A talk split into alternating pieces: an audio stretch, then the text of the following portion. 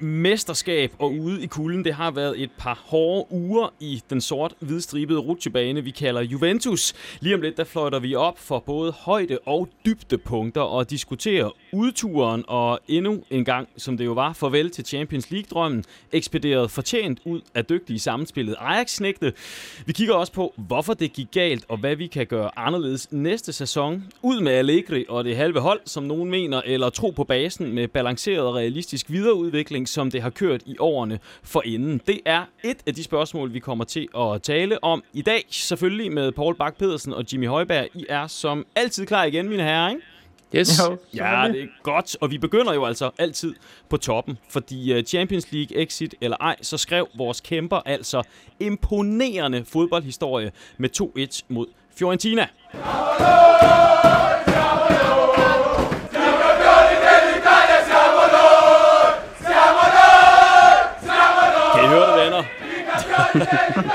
Mestre for 8. år i træk. Det er rekord i de fem store ligaer. Det er imponerende, det er uforligneligt, det er respektaftvingende, det er suverænt, det er genialt. Eller måske, når man dømmer på nogle af kommentarerne på Juventus Danmarks debatgruppe på Facebook i hvert fald, måske bare forventeligt. Hvordan øh, smager det i, øh, i jeres mund? Paul, dig først. Uh, jamen altså, jeg vil sige, at den dag, man ikke kan glæde sig over at blive mester, så, så skal man ikke være Juve-fan længere. så, så selvom om vi måske er blevet lidt forventet med, med, med 8. mesterskab i træk nu, ikke, jamen så, så smager det altid lige godt, ikke? Uh, og så, så kan man selvfølgelig altid relatere til, at, uh, at, at vi kun har nået et af sæsonens tre mål, uh, men, men, men det er så noget helt andet, ikke? Mm. Jimmy, hvad siger du? Hvordan smager det 8. mesterskab i din mund? Jamen, øh, jeg står faktisk lige nu og får en øh, sejrs whisky, for at det skal være løgn, og det smager vanvittigt godt. Ikke bare får du den, du har også hældt noget op til mig. Ja. Uh, skal vi ikke lige, uh, for at, at slå tonen an, lige tage og, og give det en lille skål her fra start af? Sådan. Skål i uh, sejrs whisky.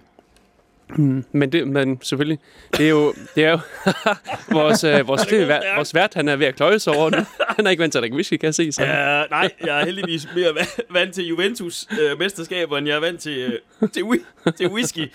Det skal nok blive en god aften. Det Men dem, dem er vi jo også ved at være vant til, kan man sige. Altså, otte, otte gange i streg, det er super flot. Det er vanvittigt flot. Um, som Allegri, han siger, det er ikke normalt at vinde. Og det er det ikke, for det kræver enormt hårdt arbejde og disciplin at være så meget fokuseret en hel sæson. Øhm, med det sagt, så er det også i min optik alarmerende, mm. øh, at der er så lidt for, for hvad kan man sige, modstand i ligaen. Mm. Så, men det kommer vi nok mere til. Så godt af Juventus, men måske også skidt af de andre, og måske ikke kun godt, fordi der jo også var mange andre ting, der måske ikke gik helt som det skulle her i øh, den sæson, vi lige er i gang med, og stadigvæk ikke helt er afsluttet. Øh, det er noget af alt det, vi skal diskutere. Jeg hedder Thomas Schmidt Nørgaard, og velkommen til endnu et afsnit af Juventus officielle fanklub Danmarks podcast. In a world of contrasts, we take a deep breath and rise. Dybala, Dybala, Dybala, Dybala, Dybala, Dybala, se la allunga ancora un po' Dybala. Aim high, while others stumble. Poi vince un contrasto, arriva Ronaldo ad aiutarlo. Sposta Take a Cristiano. shot. Cristiano, destro di Cristiano. When see a chance. Porta vuota, gol, gol, gol, gol, gol, gol. And if we fall, so be it.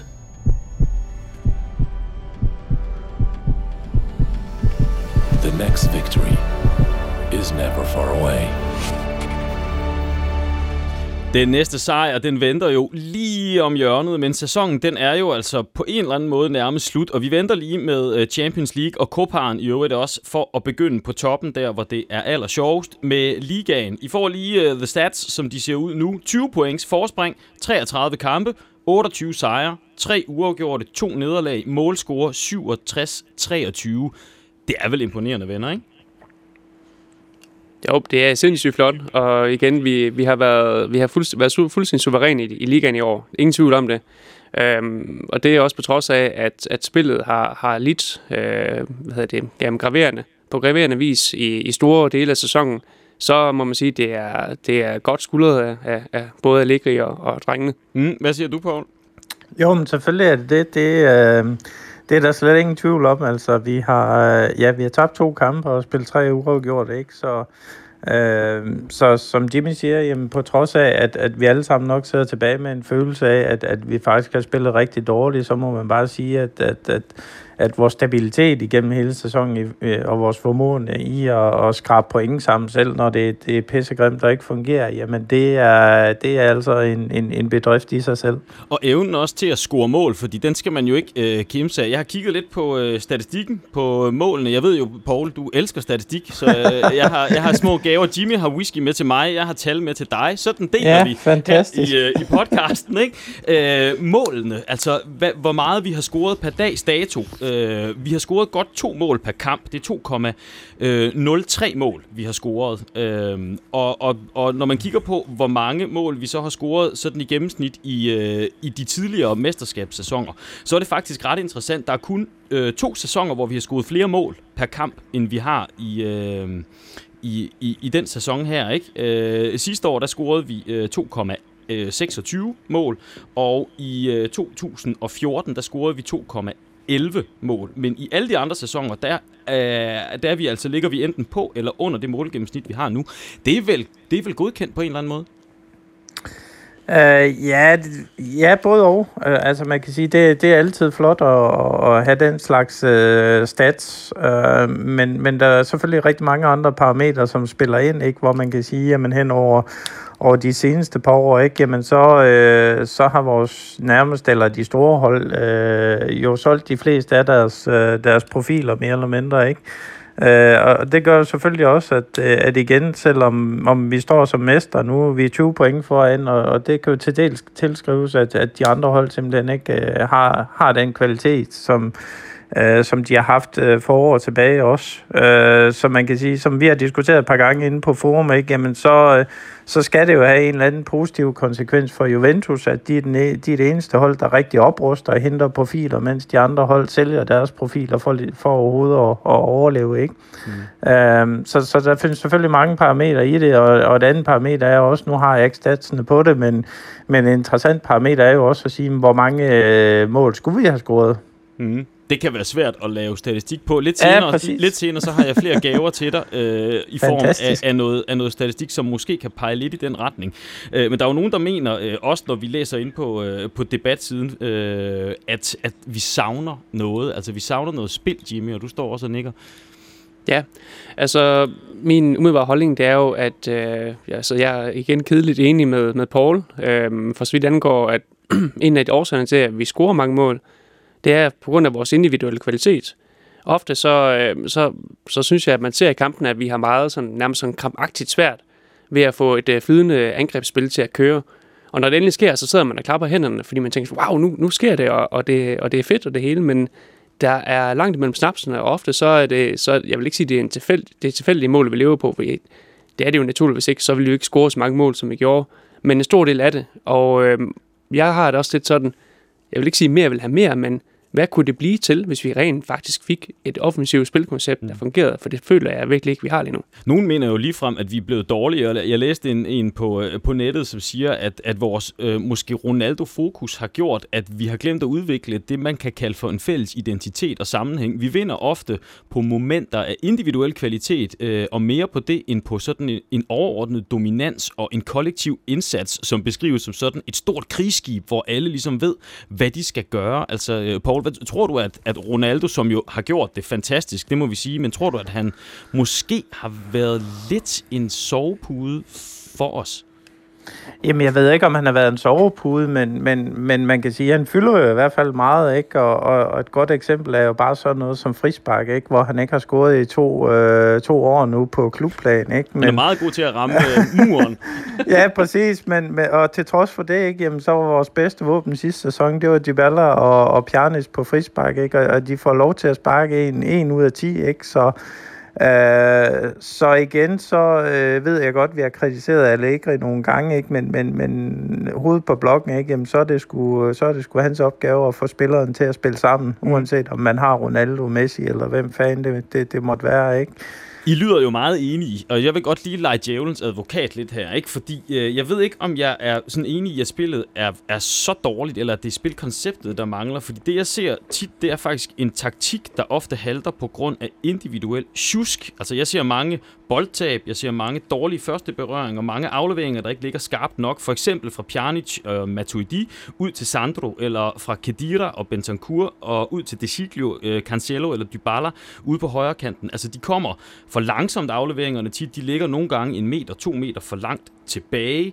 Øh, jeg ser til gengæld mange idéer Øh, og det gør jeg faktisk. Vi snakkede lidt om det i kamptråden, Paul, der er mig, øh, ja. frem og tilbage. Ikke? Altså, vi har ni skud i første halvleg. Øh, vi har en anden halvleg, hvor vi er næsten i kontrol, øh, til trods for, at der bliver øh, kastet galle ud på, på kamptråden.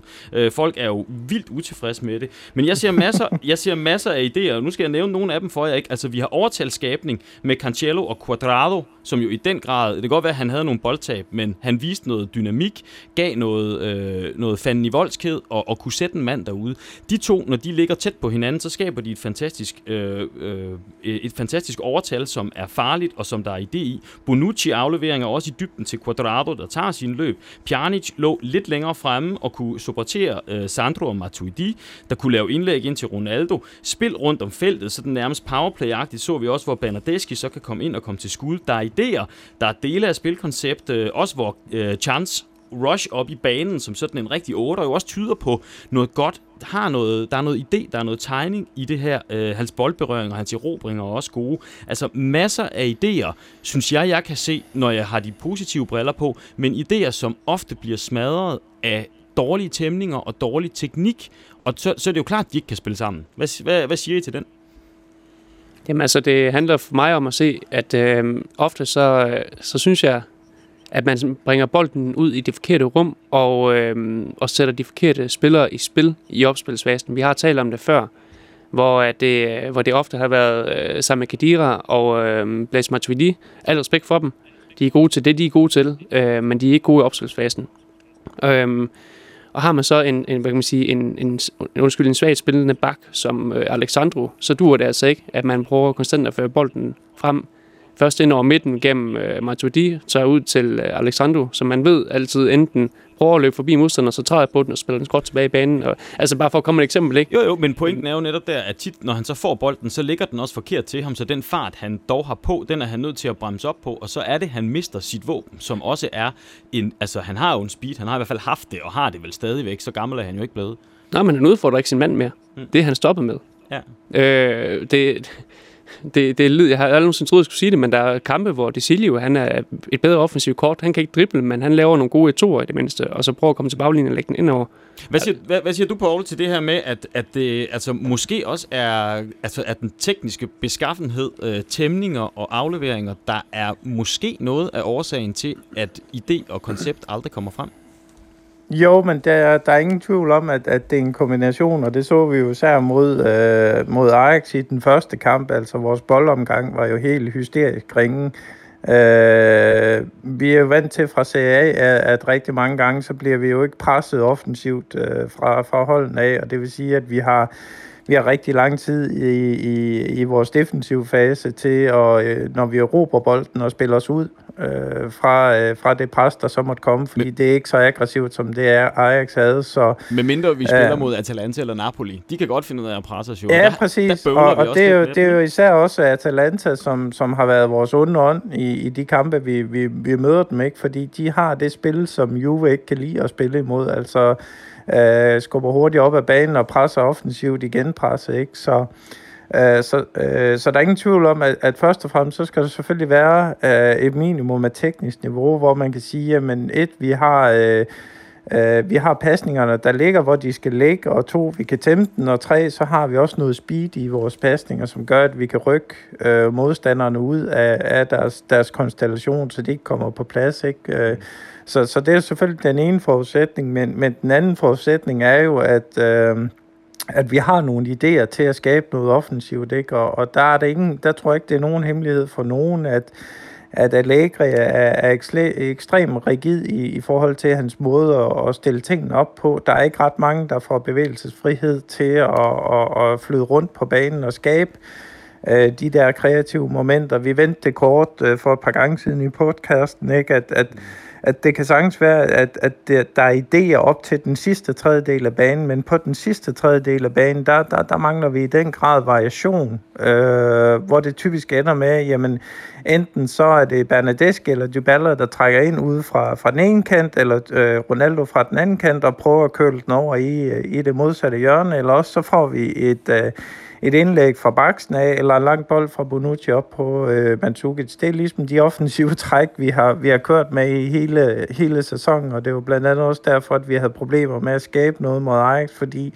rigtig meget af vores spil er lagt op på, at vi kan fange en stor Mandzukic op øh, foran, som så kan, kan, kan distribuere den videre derfra. Ikke? Så, så vi mangler jo Øh, vi mangler jo hele det fundament, der binder øh, øh midtbanen, de tre midtbaner øh, sammen med, med angrebet, ikke? Hvor, hvor vi typisk ender ud med, at det enten er Matuidi eller Kadia, øh, øh, Bentancur eller lignende, som skal skabe det der offensive spil, som skal lave assistene. Øh, øh fordi Pjanic, han, øh, han bliver naturligvis dækket op. Det har holdene fundet ud af, at han er, han er egentlig den eneste, der har visionerne for at skabe det der spil, og derfor bliver det jo ofte krampagtigt, fordi øh, som Jimmy han siger, jamen alt respekt for de to spillere her, men, øh, eller, øh, og hvis man tager Bentancur med os, men, men det at sætte et offensivt øh, spil op, en offensiv gameplan og, og kastrere tingene, både i forhold til tempo og lave assists og så videre, det er absolut ikke noget af det, de er med til. Mm, der må man også konstatere, at Pjanic så ikke er dygtig nok til at bryde den, øh, den opdækning, som han så er i, for at kunne komme ind, øh, ind og skabe det. det. Nu skal ikke komme til at lyde som om, at jeg øh, hele tiden står og undskylder.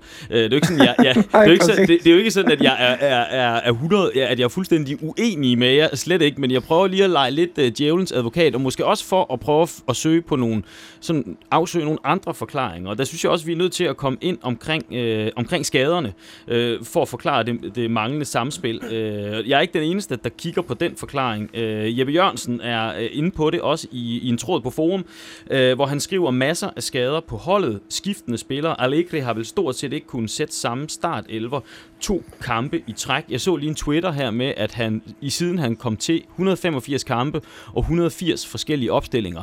Øh, om det så er unikke opstillinger, eller om det bare er fra den ene kamp til den anden, at, at det har været stort set skiftende hele tiden, det, det skal jeg ikke kunne sige. Øh, men, men på en eller anden måde spiller det vel også ind. Hvis, vil I have et eksempel?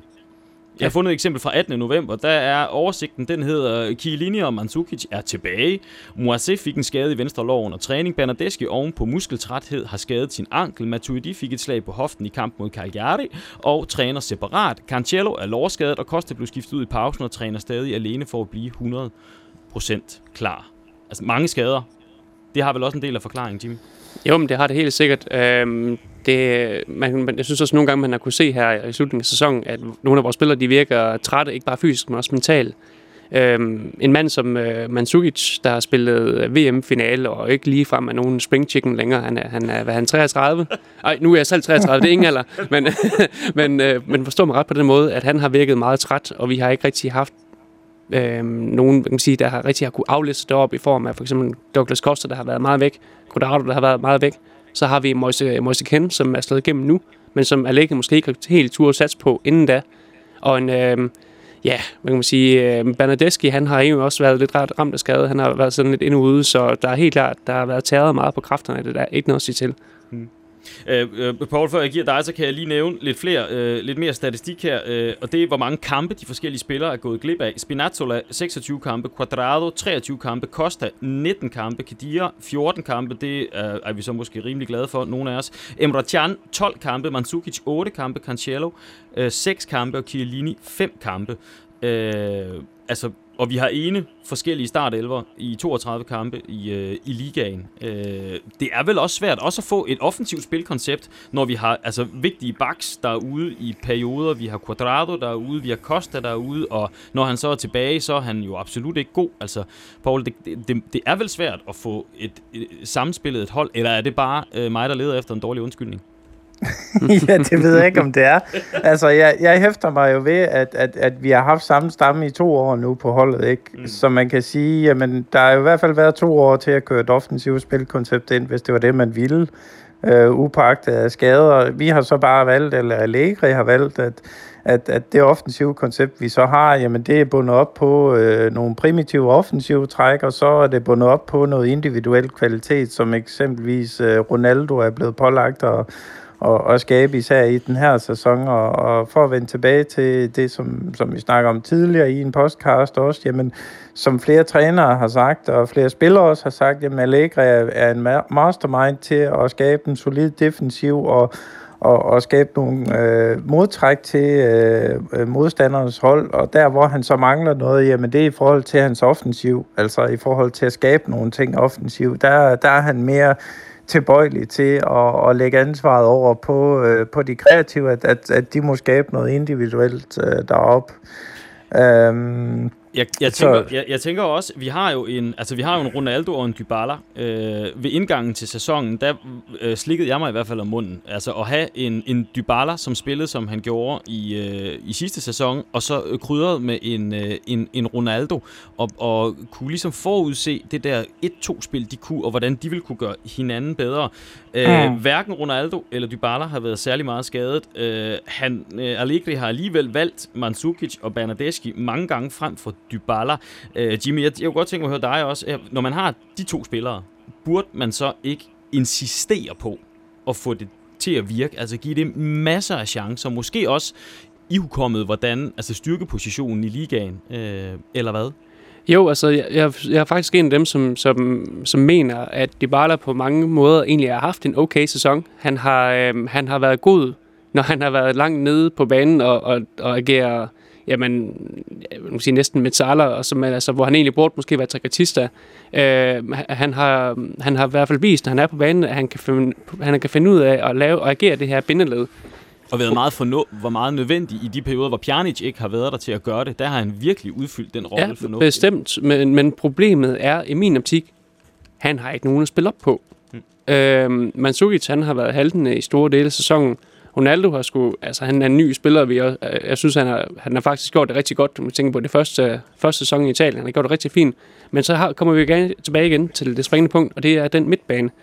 De folk, som der, som der tager løbende op frem i banen, øh, som ligesom skal kan man sige, agere de støtter i offensiven, som øh, triketister, de skal spille op på, Jamen, det, øh, det har altså haltet. Øhm, Emma Chan har, har vokset, han har vokset rigtig meget, mm. og han tager de der gode rates frem i banen, og han er ikke bange for at løbe med bolden.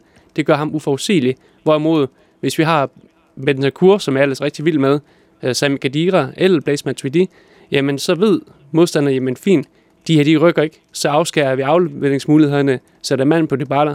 Hvad gør vi så? Så er vi nødt til at spille den ud, på, ud til bakken.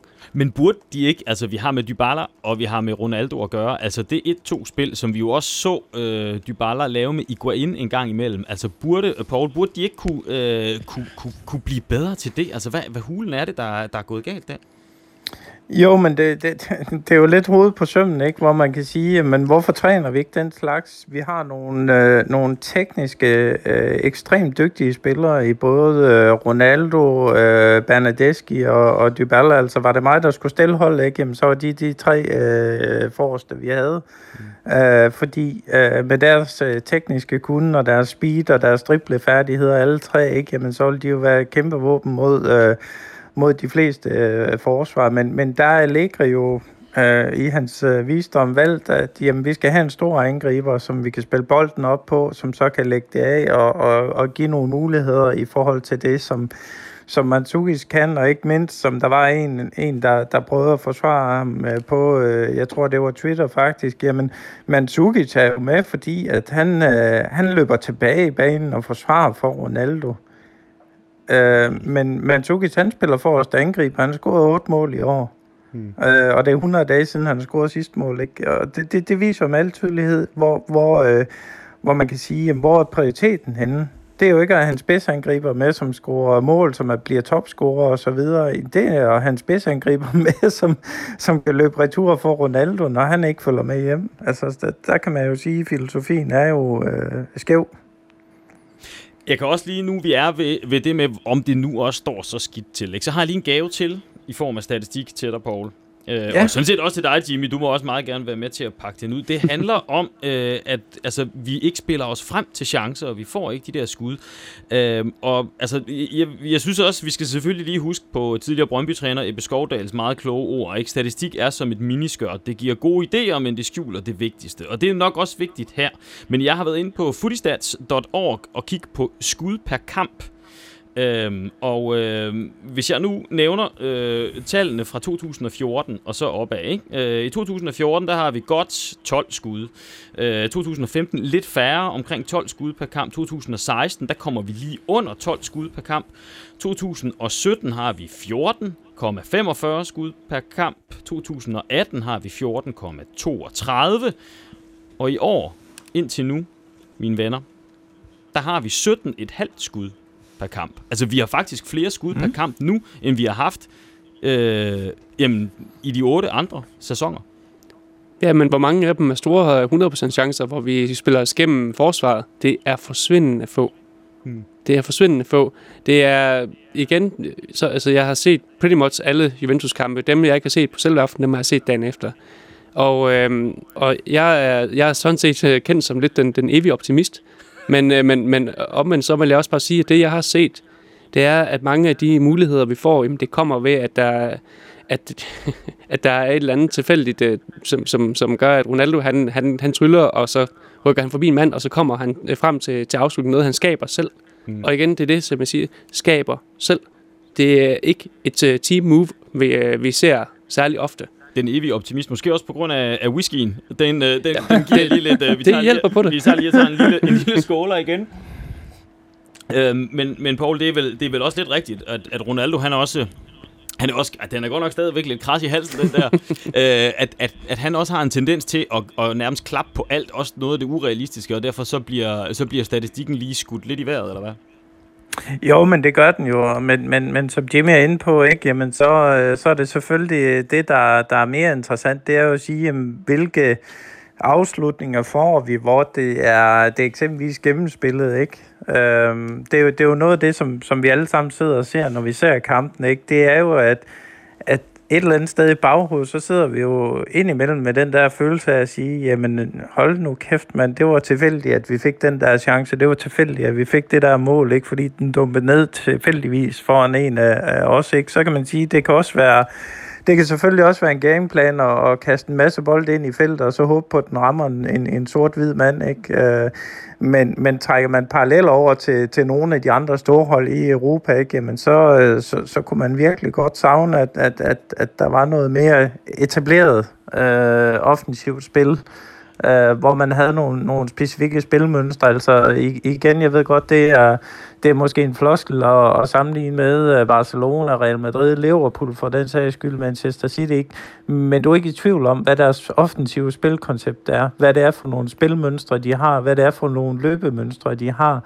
Og, og den slags kan bare ikke, øh, selv, selvom jeg også kan være optimist, og selvom jeg, jeg også er, er, er træner, ikke, jamen så, så kan jeg bare ikke se de der tegninger, der er til, øh, til den slags, når vi kommer op på den sidste tredjedel. Det virker meget febrilsk i forhold til, hvem, hvem fanden skal tage ansvaret og skabe de her chancer. Hvordan skaber vi så chancerne? Ikke? Altså, vi, vi har de der 3-4 faste moves, øh, som, som jeg nævnte før, ikke? Men, men udover det, jamen så har vi ikke rigtig noget spil, der kan, der kan åbne nogle ekstremt øh, defensive hold, ja, øh, hvis jeg, de står dybt nok. Jeg nævnte lige de der fem muligheder, fra, som vi så i Fiorentina. Det er dog idéer, Paul. Men prøv at høre, den her øh, sammenspilsnak her, den leder naturligt nok, og det tænkte jeg garanteret nok, det ville gøre over i noget knap, knap så festligt, nemlig Champions League. Nu nævner du selv Manchester City, som jo altså så godt nok også øh, er, er ude, ikke? Men, øh, men Liverpool og Barcelona også. Øh, for der handler det jo i den grad også om, hvordan vi spiller. Før vi vender Champions League, så, så, så vil jeg gerne lige runde de her otte mesterskaber af i træk, fordi vi har jo talt om ligaen her. Altså, øh, min datter, ikke, hun blev født øh, den 9. maj 2012. Øh, tre dage efter, da, da, det var tre dage efter, at, øh, at vi vandt mesterskabet igen den første gang. Ikke? Genfødslen kan man nærmest kalde det, det vælger jeg at kalde det. Øh, Juventus har altså været mestre hele min datters liv. Øh, og det, altså, jeg synes jo, det er for sindssygt. Ikke? Hvis, vi, hvis vi nu prøver at hoppe i tidsmaskinen, skal vi sige 35 år frem, for lige at, at få det beskrevet på en eller anden måde øh, det svarer til, at vi står her i dag og kigger tilbage på sådan start 80'erne, og, og kan kigge fremad. Ikke? Øh, der har vi jo Platini-æraen, vi har en Baggio-æra med noget UEFA Cup, vi har Del Piero-æraen.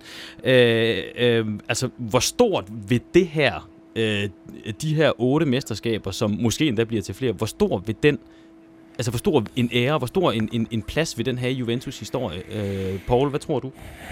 Jamen, der er der ingen tvivl om, at, at, at jeg tror umiddelbart, det vil være den største ære, vi, vi umiddelbart har. Altså, vi har jo ikke set enden på det endnu. Øhm, men mm, man kan sige, nu, nu er det nemt at sidde på, på toppen ikke, og, være, og spille smart op, op i, i elfenbenstårnet, ikke? Men, men, men jeg har da en større bekymring om, at, at CA generelt er i, i forværing for hver, hver sæson, der går, ikke? og, og det, det, det er jo det, der gør, at, at vi til dels øh, nu kan være mester med 20 points forspring. Øhm, det er jo vildt. Øh, det, det er absolut en større bekymring, jeg har. Altså man kan sige selvfølgelig isoleret set i Juventus tilfælde er det fantastisk, og i historiebøgerne vil det være den største ære, der, der umiddelbart har været, ikke? Men, men i Serie A som, som helhed, hvor man øh, kan tænke tilbage på, nu nævnte du selv 80'erne eller 90'erne, hvor stærke øh, både Juventus og Inter og Milan var, ikke? Jamen så... Øh, Parma, Lazio, så det, Roma, de, ja, de var Parma, Lazio, sammen, ikke? ikke? Mm. Jamen så øh, de bedste spillere i verden spillede i Serie A dengang, ikke? Øh, jamen nu øh, sælger vi. Øh, Ravl og Krat havde nær sagt... Øh, øh, vores, vores konkurrenter gør i hvert fald bare for at overleve, øhm, så er det da bekymrende, at øh, den, den udvikling, vi, vi, vi, vi ser generelt for Italien. Men, men som Juve-fan kan man kun glæde sig, ikke? Og, og det er utvivlsomt den, den, den største ære umiddelbart. Hvad, hvad tænker du, Jimmy? Jamen, jeg er enig. Øh, jeg, har, jeg har tit blevet klandret for at øh, ønske nogle af konkurrenterne det godt. Øh, men, og, det, og det er også fair nok. Hver, hver person skal have sin mening, naturligvis.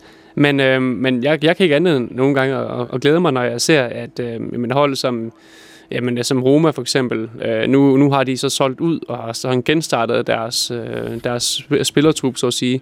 Hvor godt det så er gået, det kan man diskutere, men, men de har øh, et bæredygtigt projekt med stadionplaner og det hele, og det glæder mig, fordi hold nu fast, hvor har vi brug for noget modstand. Altså, det, vi, vi skal ikke ende som PSG, der, øh, der gjorde alt i den hjemlige liga, og så ingen øh, modstand møder og ikke kan måle sig med de bedste spillere på, ude, på, på ugenlig plan. Og så når man så kommer til Champions League, jamen hvad sker der så? Så får man høvl. Mm. Fordi man står lige pludselig over for nogle langt bedre spillere, end man er vant, end man er vant til.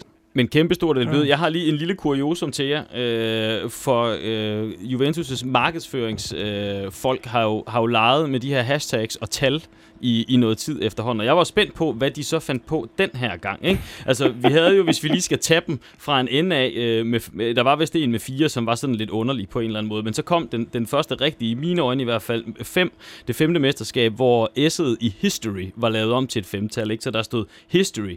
Det sjette mesterskab, der var det givet, der var lavet om til i Legend, der var lavet om til et sekstal. Ikke? Så vi har History, vi har Legend. Det syvende mesterskab, det var Myth, altså myte. Øh, det er jo store ord, der kommer på her. Og hvad smækker vi så på, når det er det 8. mesterskab? Wonderful. Altså, vi har history, legend, myth, wonderful. Altså, hvad, og så havde, så havde de lige praktikanten til at lave den sidste Jamen, her. jeg tænker sådan lidt, hvis vi nu leger med tanken om, at, at, øh, at, vi, at vi vinder et, et 9. mesterskab, det håber vi jo på, at vi gør. Hvad, hvad bliver det så? Altså, bliver det så hashtag not so bad, eller hvad? Altså, det er, sådan, det, det er som om, at altså, kan vi komme højere op? Det, det synes jeg, det måske er lidt et tegn på. Måske er det også bare tilfældigt, eller hvad ved jeg. Men skal vi ikke lukke den på at sige, at det er kæmpe, kæmpe, kæmpe stort, og det vil altid stå som noget vildt i Juventus' historie, men der er den der lille øh, bismag af malurt øh, i det her dejlige øh, mesterskabsbære. Mm. Jo, helt sikkert.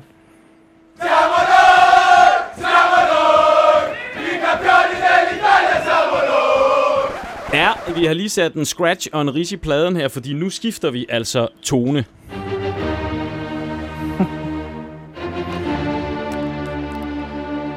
Champions League. Og før vi går ned i selve kampen og taler om den, så vil jeg godt lige flyve op i, øh, i helikopteren øh, og gå tilbage til Villa Perosa 12. august 2018. Her der taler Agnelli til øh, gutterne, som han jo har for vane at gøre hvert år. Dal sogno credo che dobbiamo passare all'obiettivo. L'obiettivo deve essere la Champions League quest'anno. L'obiettivo deve essere la Champions League, deve essere lo scudetto, deve essere la Coppa Italia.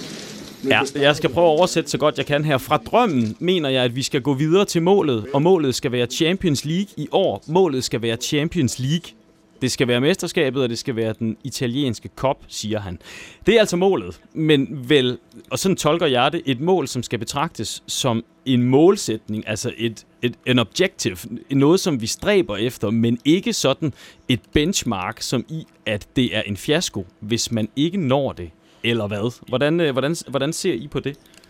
Altså, jamen, jeg, jeg er enig. Øhm, Champions League er vanvittigt svært at, at vinde, og øhm, selvfølgelig så havde vi alle sammen høje forventninger i år. Det er jo klart, det havde jeg også selv. Nu har vi købt øh, en af verdens bedste spillere, og, og som, som, som vi også kalder for Mr. Champions League, så det er klart, at man, man tænker, sker det endelig i år? Den pokal, der har undvedet os i, i så længe. Men øh, ja, der, jeg tænker, det er, det er brandærgerligt at ryge ud, og det er brandærgerligt, når man også tænker på, at det var en modstander, hvor vi egentlig havde håbet på, at jamen, dem kan vi godt slå. Men med det sagt, så i min optik, gør det ikke sæsonen til en fiasko. Hmm. Det synes jeg er lidt voldsomt. Det skal ikke være, lidt, det skal ikke være ligesom dengang, hvor Vincent Del Bosque i, i Real Madrid i sin tid øh, vandt mesterskabet foran Barcelona, og så efterfølgende blev slået ud af, af et virkelig godt Juventus-mandskab i en semifinale, jeg aldrig nogensinde glemmer. Øh, hvorefter så han bare blev smidt på porten fuldstændig useminuelt. Det er sådan lidt, jeg synes, det er hårdt at brande en sæson som fiasko, når du har vundet mesterskabet. Hmm. Uanset hvad. Hvad siger du, Paul? Uh, ja, både og. Uh, altså det, det, der selvfølgelig ligger i det, det er, at vi havde uh, tre mål, inden øh, sæsonen startede. Det var Champions League, mesterskabet og så Copaen i, i formentlig i den rækkefølge ude fra det, Agnelli han, øh, han selv har sagt. Ikke? Og øh, de to af dem, når vi så ikke i mål med, er, er det så en succes at, at opnå det ene mål? Øh, altså i, i sig selv er det jo en succes, og og, og vinde uh, Serie A, det skal vi aldrig glemme, men, men når man kigger på, øh, hvad skal man sige, den trup, der er, og, og hvor, hvor dårlig stand øh, resten af Serie A er, så, øh, så er vi jo næsten derhen, hvor rigtig mange fans mener, at de også kunne vinde Serie A med det Juve-mandskab, man har, ikke? Uh, jeg tror, fiaskoen består lidt mere i, uh, i, i forhold til Champions League i hvert fald, at, at det er Ajax, man er gået ud til, uh, og se det i det perspektiv, at de holder tilbage, jamen, Øh, Øh, du har ingen Real Madrid med, du har ingen øh, PSG med, øh, eksempelvis, så, og du har ingen Bayern med. Uh, nogle af de traditionelle øh, store favoritter til at kæmpe med om, om titlen, ikke? Så, så jeg tror, set i det objektiv, så, så, så føler mange, at det er en fiasko, fordi vi virkelig øh, ville have et godt skud i bøssen. Øh, nu er det jo så Tottenham, man, man eventuelt skulle, skulle møde i en semifinal, ikke? Så, så tror jeg, at oddsene ville, øh, ville, ville have været på, at, at vi kunne have stået i en finale mere, øh, og, og haft rigtig gode odds for, for at vinde den rent faktisk. Så måske ligger forskellen i forhold til tidligere, at det her, det var altså det var et hold, som vi forventede, at vi kunne slå, uagtet at Ajax stadigvæk er et godt hold, det kan vi vende tilbage til. Men altså tidligere år, der er det Bayern, det er Real, det, er, det er Barcelona, øh, som vi ligesom er, er blevet for små i forhold til. Øh, det er dem, vi har tabt til. Øh, og vi har jo så i år gået ud og fået fat i altså manden, der ejer Champions League. Vi har identificeret ja, manglerne på højre bak, så hentede vi Cancelo, som også har skabt øh, offensivt til, til Champions League. Og på midtbanen øh, gik vi ud og fandt øh, Chan, og så altså, så taber vi til Ajax. Så det er den, altså, det er den ekstra skuffelse, der måske gør for at forstå det. Øh, der, det, det er et massivt antal af, af fans på øh, Juventus øh, Danmarks debatforum Facebook-side, der er ude og, altså, og virkelig brokser her, ikke? Mm. Jamen altså, det, det, det store problem ligger jo i, at, at uh, Agnelli og, og klubben selv øh, Øh, har jo spillet klubben stor i Champions League. Altså, de, der, der, der har jo ikke været ret mange hæmninger på i forhold til at sige, jamen, hvad, hvad er objektivet i den her sæson? Hvad er vores forventninger til Champions League? Ikke? Jamen, først tredjedel af sæsonen, og de første kampe, vi vandt mod uh, Valencia, og vi vandt uh, på Old Trafford og så videre, ikke? Jamen, så blev den bold jo egentlig bare spillet større og sagt, jamen, nu går vi efter det, og det var klubben med til at, at, at, at drive den der frem. Og så er det klart, at det er et kæmpe antiklimaks, når man så står her og siger, jamen øh, sæsonen starter i marts, ikke? og nu, nu er vi i slutningen af april, og vi er ude af Champions League. Ikke? Men det er jo sådan, det går. Jamen, hvor, altså, hvordan, hvordan fanden skal folk være andet end, end skuffet? Ikke? Fordi det er, jo ikke, det er jo ikke fansene, der har sagt, nu går vi efter Champions League, som du lige har afspillet i, ly, i, i lydklippet. Ikke? Det er præsidenten for klubben, der står og siger, at første mål, det er absolut Champions League. Det er det, vi går efter. Men, Jamen, vi, men her må man jo også være realistiske, og det kunne jeg også, det her, det er jo både, det er jo sådan set både til jer, men også til alle jer, der lytter derude, som, som måske synes, at det her, det er en fiasko, at sæsonen er en fiasko. Øh, Jeppe Jørgensen, han skriver det også på forum, der er kun ét hold, der kan vinde turneringen, og jeg har også lige, jeg har kigget lidt mere Øh, også i forhold til det her med, at, at Allegri øh, skal skiftes ud og, og så videre. Bær lige over med mig her, hvis I er meget håndfaste på den. Men det her med at kræve at vinde Champions League, jeg synes, det er jo vildt øh, urealistisk og for lang. Jeg har, hvis vi går ind og kigger på de tre års øh, semifinalister her for de seneste tre år, øh, sådan i forhold til at kræve, at vi vinder, at det skulle være en fiasko, hvis vi ikke vinder. Altså i, her i 19, der har vi Ajax, Tottenham, Liverpool og Barcelona. I 18 har vi Roma, Liverpool, Real Madrid og Bayern. I 17, der var det øh, Atletico Madrid, Real Madrid, Juventus og Monaco. Altså de sidste tre år, der har der været 10 forskellige hold i semifinalerne ud af 12 mulige. Liverpool og Real er eneste genganger, og de er kun genganger i, øh, i to år.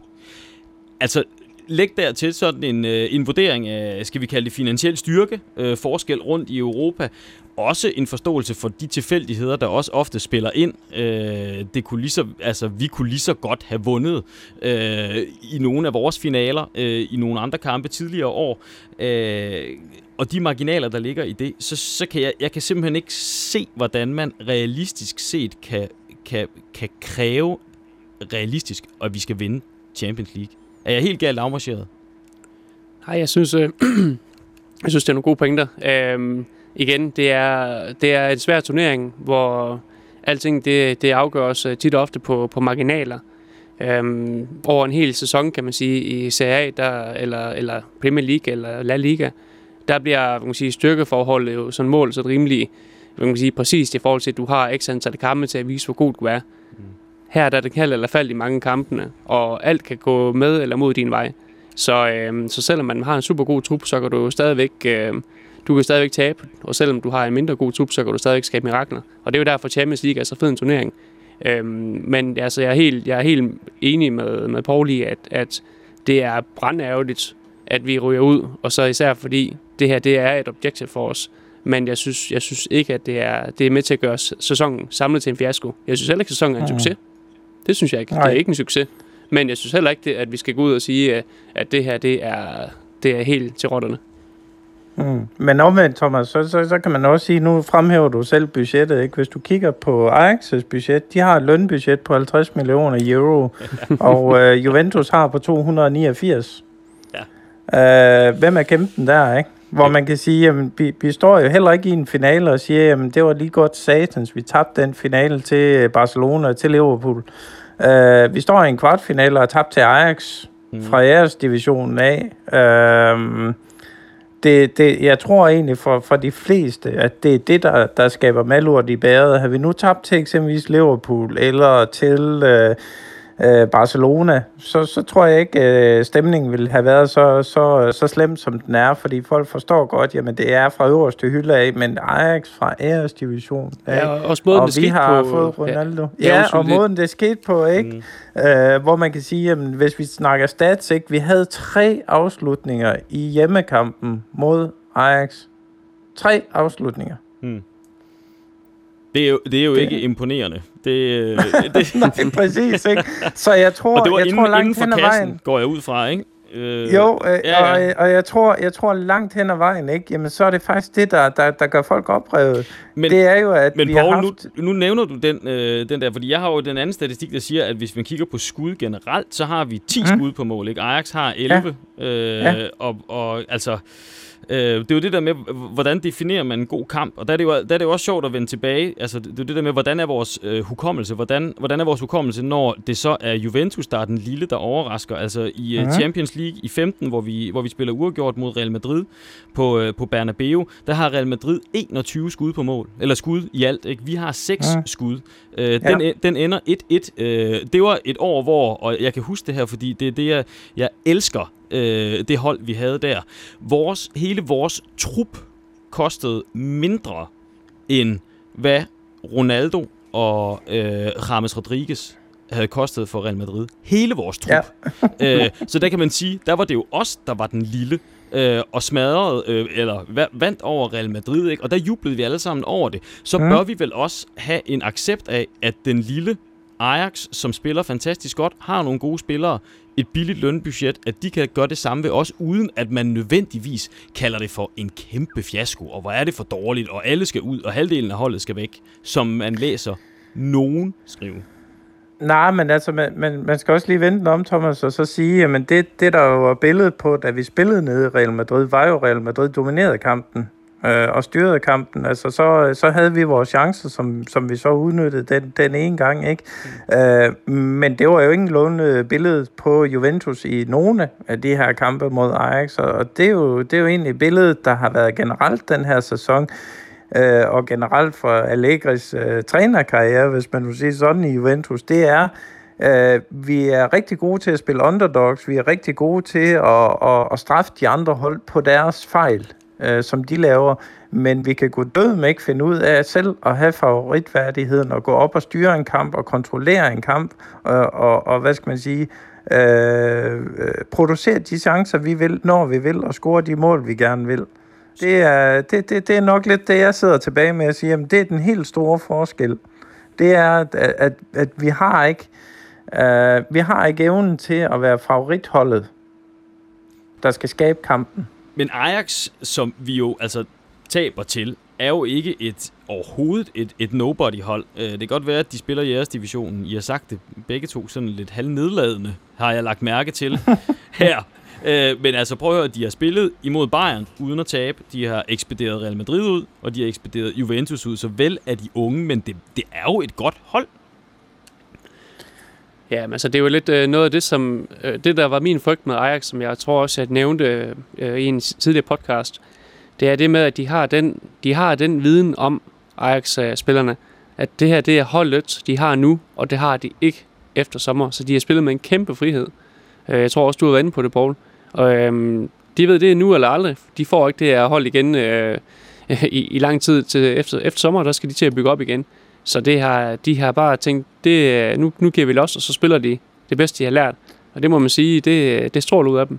Blev I også overrasket, Paul? Blev du overrasket over at se, hvordan... Altså, de, de gjorde det jo sådan set i begge kampe, men den der måde, de kunne spille øh, rundt om os og igennem os, nærmest oppe i feltet. Altså, vi har været vant til, at vi har lavet... Når, vi, når Juventus spiller, så må, spille, så må holdene gerne spille bolden rundt ude sådan midt på vores egen banehalvdel, men så snart de kommer ned i, i, og nærmer sig feltet, så er der faktisk lukket. Sådan har det jo været tidligere. Her, de, altså det var jo 1-2, 1-2, 1-2, 1-2. Tiki-taka, der fik altså Barcelonas Iniesta og Sarvi til at, at ligne gamle mænd. Jamen altså, ja, Ajax spiller jo øh, spiller jo krøjfodbolden, ikke? Øh, som, øh, som, som, som det skal gøres, ikke? Og, og de her gutter, jamen de er jo alle sammen fostret op med, at det er den måde, vi spiller fodbold på, og og, og nu kan man sige, nu kulminerer det så for, for de her unge gutter, og det er, det er lidt en skam, at uh, de formentlig ikke uh, får lov til at, at, at beholde den et par år endnu, fordi ellers så, øh, så kunne det absolut være et af de Ajax-hold, som, som kunne gøre noget rigtig spændende i Europa også øh, årene fremover. Øhm, men, men altså Ajax har jo læst meget på lektien ikke? Og, øh, og sagt, jamen, hvordan skal vi slå det her Juventus-hold, og det, det skal vi gøre ved at spille hurtigere end vi skal gøre det teknisk, vi skal ikke ind og slås med den fysisk, men vi skal lave masser af små pasninger med masser af fart i.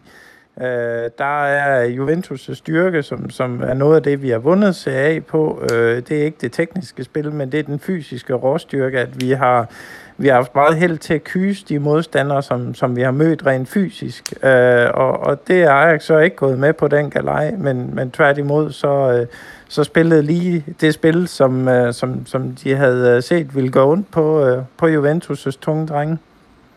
Ja, og så øh, altså, handler det vel også om, hvordan, øh, udover hvordan Ajax angriber kampen, hvordan vi angriber øh, kampen, eller hvad, Jimmy? Ja, eller ikke angribe kampen. ja, vi gjorde det vel egentlig. Vi starter vel egentlig meget godt. Altså de første 20 minutters tid eller sådan noget, der, der, der, har, de, der har de ikke alle de her små, hurtige samspil i vores felt. I hvert fald ikke... ikke øh, jeg, jeg tror ikke, de har en eneste. De, det, det er først senere i kampen, at de der for alvor kommer med. Så der formår vi vel på en eller anden måde også at, at presse dem. Øh, vi har Bernadeschi har et godt skud efter tre minutter, tror jeg det er. Øh, altså, så, så det siger vel... Altså, det starter jo sådan set okay. Jo, jeg synes faktisk, at, øh, at første halvleg i den første kamp, bortset fra, at de så får det der trælsmål, øh, øh, lige inden pausen, hvor Bernadeschi han desværre hang i, i, nødbremsen. Øhm, der, jeg synes faktisk, at, at vi spillede, øh, eller i hvert fald forsøgte at spille positivt, at det så ikke øh, var noget, vi formåede at eksekvere 100%, så synes jeg, at det lignede, at viljen den var der, og at rent faktisk, at Allegri havde sat en positiv gameplan op. Mm. Øhm, det, det er sådan, jeg så det i hvert fald. Han prøvede at, at bruge nogle af de elementer, som vi så i øh, Atletico returkampen. Øhm, men, men man må jo bare give hollænderne, at øh, som Paul siger, de har læst lektionen. De vidste, hvordan de skulle, hvordan de skulle counter det. Og omvendt, og den vil jeg godt, nu skal jeg, jeg, det, jeg kommer til at lyde som om, jeg undskylder hele tiden for, at, at vi endte sådan her. Ikke? Men jeg synes jo igen, vi på en eller anden måde er nødt til at, at sige, vi kommer foran med 1-0 øh, i, på hjemmebanen ikke? i returkampen. I løbet af kampen, der har de masse fantastisk gennemspillede chancer, øh, og de spiller rigtig, rigtig flot. Men man kan sige, det mål, og det er jo målene, der gør forskellen, det mål, de får, det er jo et kikset spark, der tilfældigvis ender ved en Ajax-spiller, der så kan sparke den ind. Det er jo alt andet end gennemspillet.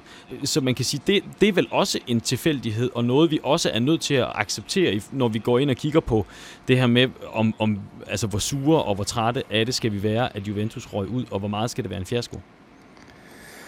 Øh, jo, men jeg tror igen, det, øh, det som det handler om, det er igen det her med at sige, hvordan er oplevelsen af, af af den kamp og det spil, som Juventus leverer mere end det er målene. Hvordan de kommer, og hvordan de bliver scoret. Øh, og, og der er fornemmelsen jo helt klart nøjagtigt, ligesom i, øh, i CA, jamen vi skulle ikke, vi skulle ikke været i stand til at strække 5-6 øh, afleveringer sammen i træk, ikke? og vi er blevet kyset øh, på det tekniske niveau og så videre og så videre. Jeg tror egentlig, igen, det er der frustration, den, den kulminerer lidt mere, end det er, at, at Ajax får et, et mere eller mindre tilfældigt mål, fordi man kan også sige i første kamp, ikke, jamen, der burde de måske have scoret tre mål, øh, hvor de er, de er forholdsvis fri inden, øh, inden i det lille felt, men alligevel formår at sparke forbi mål. Ikke? Så, mm. så jo, selvfølgelig er der nogle grader af tilfældigheder i det, der, der gør, at der ofte bliver scoret nogle mål, ikke? Men, men, men igen for mit eget vedkommende i hvert fald, den store frustration ligger helt klart i, at, at vi ikke kan finde ud af vores eget spil. Men er det så et spørgsmål om, at det er Allegris skyld, eller er det et, en konsekvens af, at han måske udviser rettidig omhu, at det er nødvendigt for os at spille på den måde? Altså vi så for eksempel mod Fiorentina, hvordan der pressede vi rigtig godt på, og var faktisk meget, meget aggressiv. Vi har masser af folk fremme, øh, og, og faktisk meget dynamik, masser af pres, men der kommer altså også tre farlige kontra imod os i de første 20 minutter, hvor man kan sige, altså vil vi have kræfterne til at superpresse hele tiden. Altså, og hvis vi gjorde det mod Ajax, hvor meget røv vil vi så ikke have fået? Altså, så vil mm. vi jo være sparket helt væk. Måske. Ja. ja både og. Altså, jeg har det jo lidt til um, hvor, hvorfor scorer de på de tilfældigheder, de gør? Jamen, det er altså... Chancen for, at du får de her tilfældigheder, den er alt andet lige noget større, når du står så stort hele kampen nede i modstanderens felt. Det er uundgåeligt.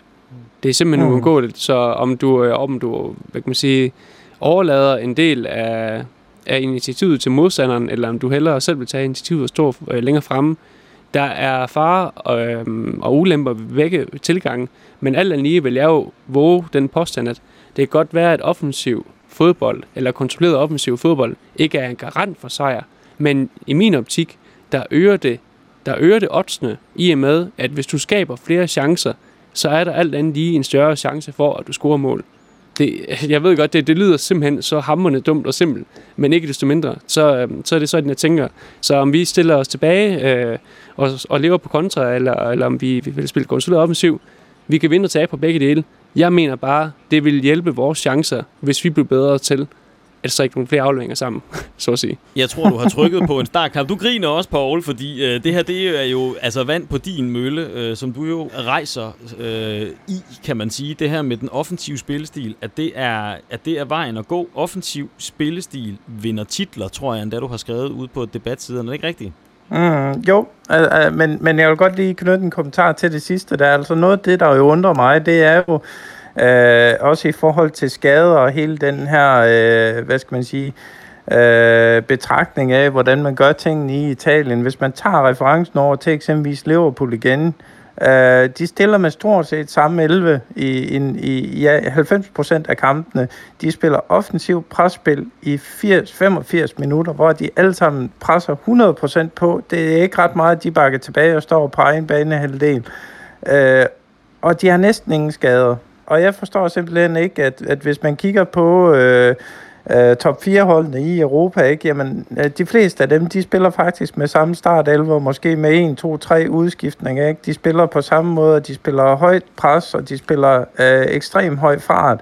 Øh, så har vi Juventus i Italien, som fører på nuværende tidspunkt med 21 point i ligaen. Øh, og vi er alle sammen en, en stående joke om, at sæsonen den starter i marts, fordi vi ved, det er den måde, Allegri er tillagt, øh, tilrettelagt sin træning på. Men nu står vi halvanden måned senere, og, og jeg kan ikke mindes, at vi har et hold, der har set så træt ud før. Øh, fordi det virker virkelig til, at, at alle spillere de er trætte, de er demotiveret, sådan som man ser dem på banen. Ikke? Øh, det er mig fuldstændig ubegribeligt, at, øh, at alle andre hold i en hård liga, som eksempelvis Premier League, der spiller 50 kampe, og der spiller med det program, de har, og så hårde modstandere, som de trods alt har, øh, at de kan formå at have den fysiske form, de har at køre det offensive øh, presspil, de har, øh, men, men vi, kan ikke, vi kan ikke formå at, at opretholde en form, der gør, at, at, at vi virker øh, friske på nuværende tidspunkt i, øh, i sæsonen. Og vi har jo haft mange skader, og der, der er måske en, en anden krølle på, øh, på offensiv-defensiv debatten, som vi jo har debatteret faktisk både i, øh, i den første og i, i den anden podcast, og vi diskuterer det også nu, og vi kommer garanteret til at diskutere det igen, fordi det er det store øh, debatemne. Men som en lille krølle, der kan man jo godt lige køre øh, den der med altså det faste system over for tilpasningen, som der også er, er flere øh, på, på forum, der er inde omkring. Altså vi har Guardiola Klopp øh, Barca-tilgang, hvor man spiller ud fra egne præmisser. Ajax også, vi har en bestemt måde at spille på, tro på egen filosofi, og så har vi det, som vi måske mere oplever med Mister, at man tilpasser sig modstanderne i højere grad, prøver at læse dem af, og så, og så sætter man taktikken efter det. Vi spiller på egne styrker, men altså tilpasset modstanderne. Fordele, ulemper ved det? Jamen altså, jeg har det igen med, at øh, hvis du hele tiden skal tilpasse dig, det, det er jo rigtig fint, at du gør det, og jeg synes jo, det er noget af det, der er mega fedt ved Allegri. Det er, at han har den evne. Men jeg synes måske, at vi fokuserer lidt for meget på modstanderen, frem for at fokusere lidt mere på os selv. Uh, vi har også uh, vi talte lidt om det her, også inden vi gik i gang. Uh, hvorfor, hvorfor eksempelvis tage Dybala og Cancelo, hvorfor har man ikke sat de to mere i spil? Hvorfor træner man ikke mere, at nu skal vi spille på dem over den side der og skabe nogle, uh, nogle farlige situationer? Uh, det, det virker lidt som om, at der er der er stor fokus på at neutralisere modstanderen frem for at bygge, øh, bygge sit eget hold op. Og det, det, ja, ja, det, det er det, som jeg, jeg ser som værende vores akillesal. Øhm. Kan man også sige, at vi måske bliver ekstra øh, sårbare, når nu altså den her tilpasningstilgang, øh, som Allegri har, at den er ekstra sårbar over for skader, for eksempel har vi jo altså stort set ikke kunne spille med raketter hele sæsonen, fordi både Costa og Quadrado har, har været skadet.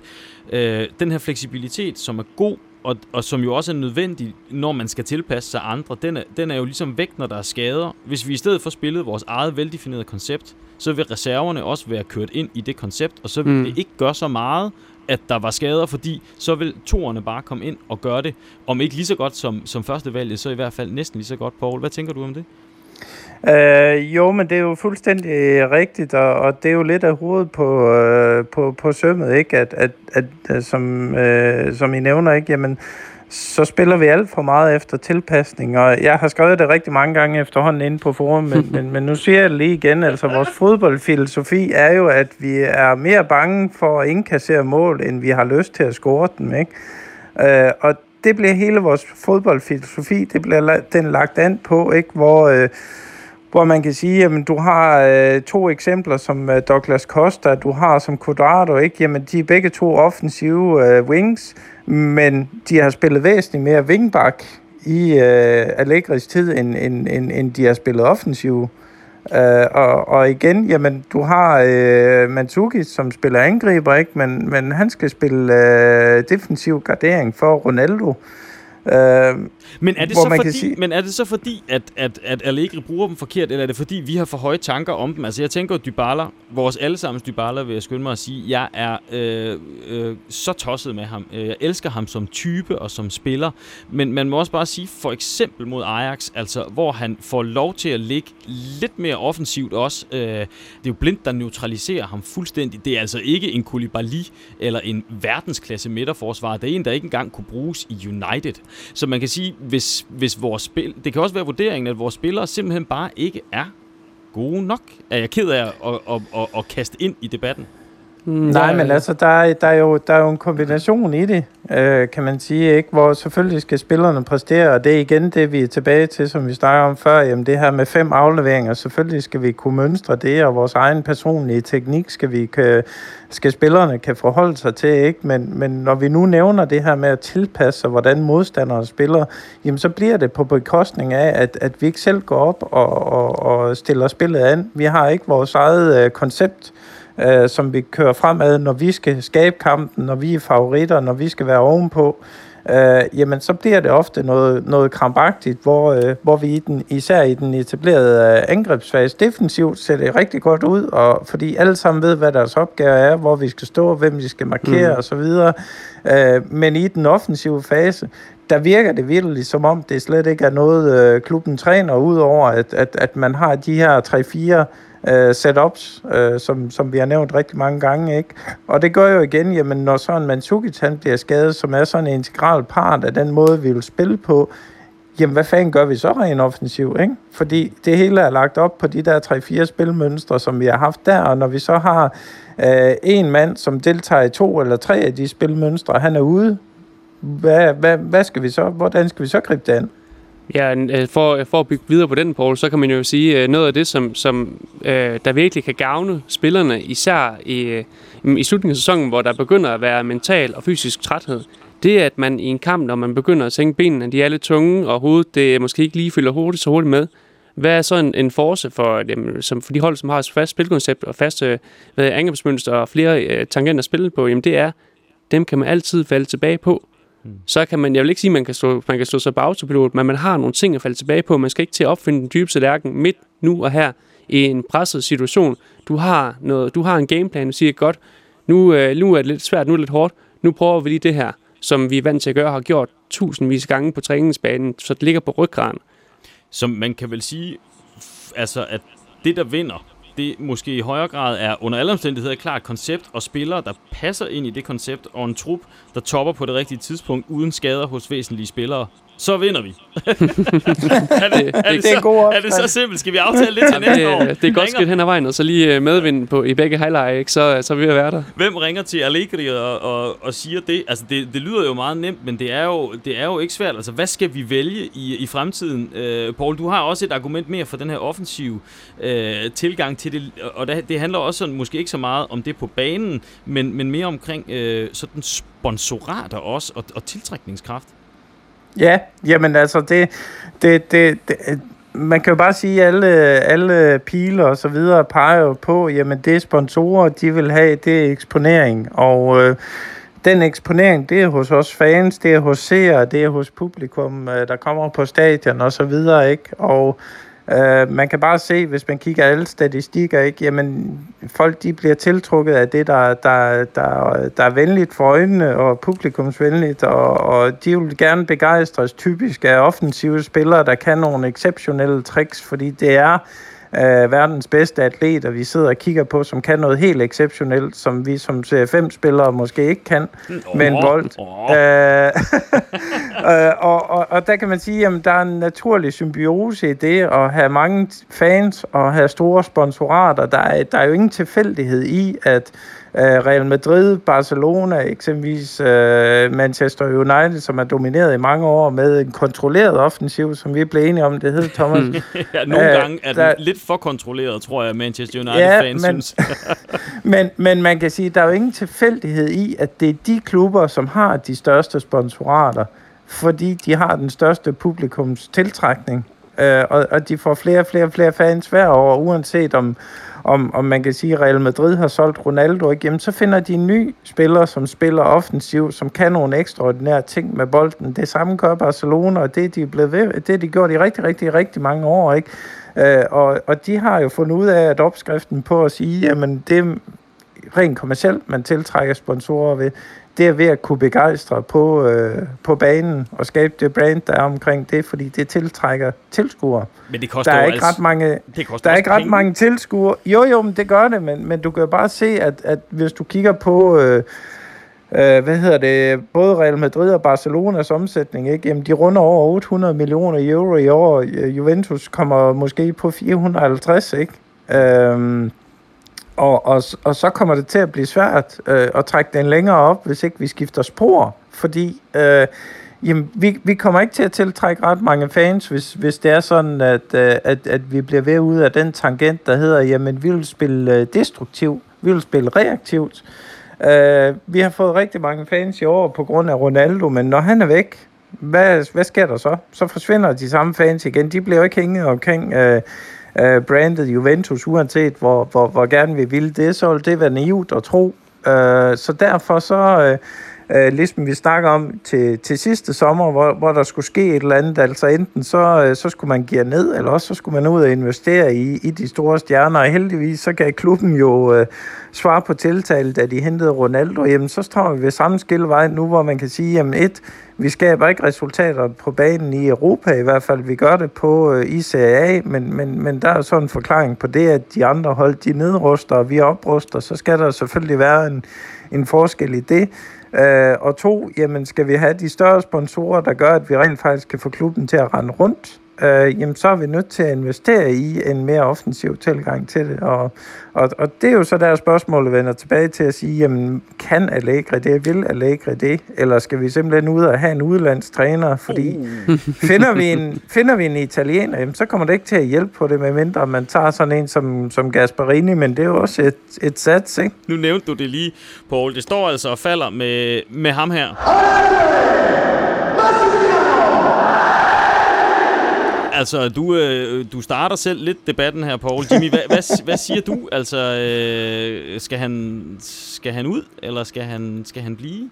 Øhm, altså, umiddelbart, så... Øh, jeg, jeg, jeg, jeg er stor fan af Ligge, det ved vi alle sammen godt, men, men det, virker, der, det har virket som om, at der har skulle et eller andet nyt til i, øh, i løbet af den her sæson.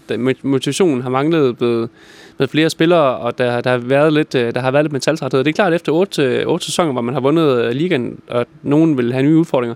Men jeg tror også, at noget, noget af det, som jeg tilskriver øh, det dårlige spil, det er Allegris øh, mangel på øh, at skabe skabelsen af en offensiv, øh, hvad det, genkendelig øh, spilkoncept. Mm. Øhm, det kan selvfølgelig være spændende at se ham til, til næste sæson, hvor der måske forhåbentlig kommer nogle, nogle andre midtbanespillere, der kan lidt mere, som passer måske lidt bedre ind i det spilkoncept, han gerne vil praktisere. Således at man øh, eventuelt får øh, nogle mere dynamiske øh, hvad hedder det, box-to-box-spillere ind. Øhm, og vi, nu ser vi også, at sådan en mand som Emma Chan, som vi nævnte tidligere, der, har, der han har løftet sit spil, øh, at det, det, det hjælper på vores opspilfase i en vis grad. Men jeg har godt nok svært ved jeg har svært ved at se, om Allega han kan bære os længere, eller om der skal noget, nogle nye tanker og idéer til. Men har vi ikke også lidt svært ved at se, hvem det så skulle være? Altså en af dem, der er blevet nævnt mest, det er jo Conte. Og altså, vi har været inde på, på statistikken omkring ham for et par år siden, da Allegri også blev kritiseret. Det var dengang, vi havde den der redsomme øh, start på sæsonen.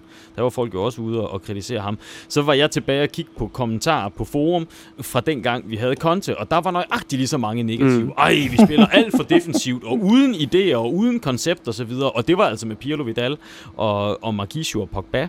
Øh, øh, på banen også, ikke? Altså, så, så øh, han, altså, hvad kan Conte? Han kan, han kan vende knap så gode hold til at præstere fantastisk. Han er god til at få øh, middelmådige spillere til virkelig at vokse, øh, men kan han, kan han orkestrere et hold fyldt med, med store stjerner, som er det, vi også har nu? Øh, hvad, hvad siger I til det? Jeg, jeg, må, nok, jeg må nok sige, at jeg er ikke... Øh, altså, jeg har al kærlighed til, til Conte oh, ja. som, som spiller, og også øh, det, han har gjort for os som træner. Der er jo ikke mange, der kunne have gjort det, han gjorde, dengang han kom til. Øh, men den måde, han forlod klubben på, med at... Øh, ja, den, den, famøse, den famøse snak omkring, hvor meget man nu kunne, kunne gøre ind på en restaurant med, hvad var det, en fem, jeg kan ikke huske. Jeg man kan ikke spise på en, øh, en 100 øh, dollar restaurant for 5 dollar, eller Ja, ja ja lige præcis. Ja, ja. Øhm, altså, jeg, jeg, men, jeg mener, at, at hans manglende taktiske formåen i øh, Europa, den, den, øh, det er ikke det, vi har brug for nu her, hvor det rent faktisk er Champions League, hvor vi forsøger at, øh, at, at virkelig øh, tage store skridt fremad. Jeg, jeg, vil, jeg vil mene, at han er skridt tilbage i forhold til Allegri. Allegri, han er en pisse dygtig træner. Øh, jeg, jeg er ikke i tvivl om, at vi, at vi, at vi har meget af vores succes, det tilskrives helt klart ham. Øh, men Conte, han, han vil han vil, jeg vil synes ikke, at han vil være en opgradering nu. Jeg tænker også lidt, at han er et, altså det vil være på et forkert tidspunkt lige nu, øh, hvor vi stadigvæk har en Ronaldo, som er i, altså stadigvæk i, i, i form og kan score mål. Jeg tænker måske lidt, hvis, hvis man skal have en, altså om et par år, når Ronaldos ære i Juventus slutter, og man så på en eller anden måde skal have noget, noget koldstart der, for det vil det nok altid blive, det tror jeg, de kan snakke mere om i Real Madrid, øh, når, når en så stor spiller forlader et hold, øh, at, at det måske, der kunne han måske give mening, tænker jeg, for ligesom at banke noget nyt øh, ind i det. Men, men på nuværende tidspunkt, der har jeg altså også svært ved at, ved at se ham. Paul, hvad siger du? Ja, jamen, jeg, jeg er jo slående enig med jer. Altså, jeg synes ikke... Øh, øh man kan sagtens have øh, et, et, et eller andet øh, had mod Allegri, men, men, men jeg synes jo ikke, at, at, at man skal gå ud og skifte ham med en træner, som Jimmy siger, der er taktisk dårligere. Øh, fordi det, det, det synes jeg faktisk, Conte er. Altså, Conte kan noget helt unikt med øh, mandskabspleje og og, og som han også nævnte, jamen, øh, få middelmådige spillere til måske at præstere over evne, men taktisk, der, der synes jeg faktisk, at Allegri er, er væsentligt bedre end, end Conte, og så kan man sige, at Conte fylder ekstremt meget, og, og det var jo, øh, hvad skal man sige, uh, tudeklubben nummer et, dengang han, øh, ja, på hans sidste år i Juventus, ikke? der var konstant kontroverser omkring, øh, hvordan han havde konflikter med ledelsen, og det var så uretfærdigt for ham, og han kunne ikke være med på budgetter, og øh, han havde alt for mange primadonna-nykker til sidst. Altså, jeg vil sige, når, når en træner begynder at fylde mere en klub med, jamen, så, øh, så, så, skal han, så skal han af gode grunde ikke være der. Der, der er nogle, nogle, nogle, desværre nogle pangdanger over til en Mourinho øh, i Contes ego, og, øh, og, og, og det synes jeg absolut ikke... Øh, der er noget, der, der, der skal hives ind. Altså, skal lægge ud, så skal det være, fordi vi kan finde en opgradering. Og som jeg lige nævnte før, jamen, jeg tror ikke, en opgradering er nogen som helst italiensk træner, fordi det mindset, de er født med, og de har, vi har ikke en, en moderne italiensk træner, der bestrider den her øh, offensive tilgang til, til fodbold, som vi kan se, de øh, fire hold, der er tilbage i Champions League nu, de står med. Men hvor er det så, vi skal kigge hen, og hvad er overhovedet realistisk? Jeg kan ikke lige få øje på nogen, øh, uden at jeg er alle steder. Men Jimmy, har du øh, et, et bud? Ja, altså, jeg har, jeg har et, måske to bud. Jeg har, jeg har et drømmescenarie, og, øh, og så har jeg et scenarie, som, som er tæt på urealistisk, så det er jo, det er jo super godt. altså, det, for, for mig om at se, så et drømmescenarie, det er, og det ved jeg godt, der er mange, der er modsat af, men jeg kunne faktisk godt tænke mig at se uh, Pep Guardiola uh, prøve sin kraft af i italiensk fodbold. Um, han er ikke den perfekte træner på nogle øh, punkter, og han har måske nogle gange haft lidt problemer med nogle spillere, blandt andet Zlatan Ibrahimovic i, i Barcelona. Øh, men øh, med det sagt, så synes jeg, at han er taktisk meget klog og har mange gode forskellige løsninger, øh, ser man i, i hans kampe. Øhm, så han, han bliver rigtig spændende, men udover ham, så altså, det er altså, ham... Vi skal lige vende ham først, fordi at han er jo blevet kritiseret for, at han kan ikke vinde noget uden Messi i Europa. øh, men der kan, man, der kan man vel også spille ind, altså hans tid i Bayern specielt, øh, der var han jo altså ufattelig tæt på. Mm. Øh, mange gange, ikke? hvor det var øh, delvis dommer og delvis øh, uheld og, og så videre, der gjorde, at de ikke gik hele ja. vejen, mens de havde Enig. ham. Ikke? Helt enig. Øh, så så, så det, det, det, det er ikke en, en umulighed. Øh, men, men Paul Pep, hvad siger du til ham? Øh, jamen, han har jo i hvert fald det modsatte af det, vi har nu, ikke?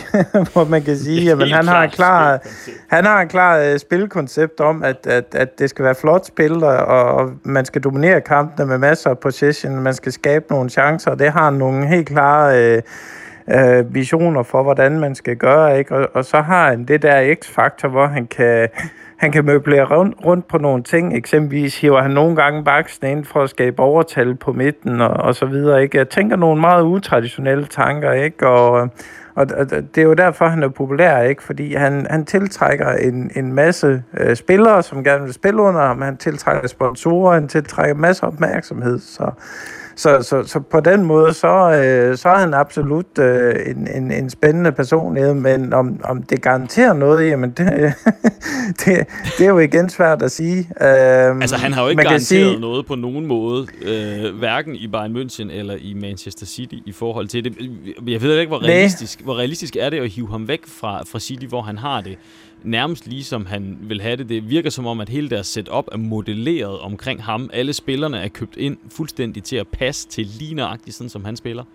Jo, jo, men det er det også, og det, det er jo dybt urealistisk, hvis man kigger på det på den mm. måde. Men, men hvis nu jeg har sagt til dig øh, sidste år på det her tidspunkt, at vi signer Ronaldo til sommer, ja. hvad har du så sagt? Ja, men du har ret, så havde jeg da øh, grinet og sagt, ja, yeah, right. Øh, så, Nej, så man, men altså... Man skal aldrig men altså, aldrig.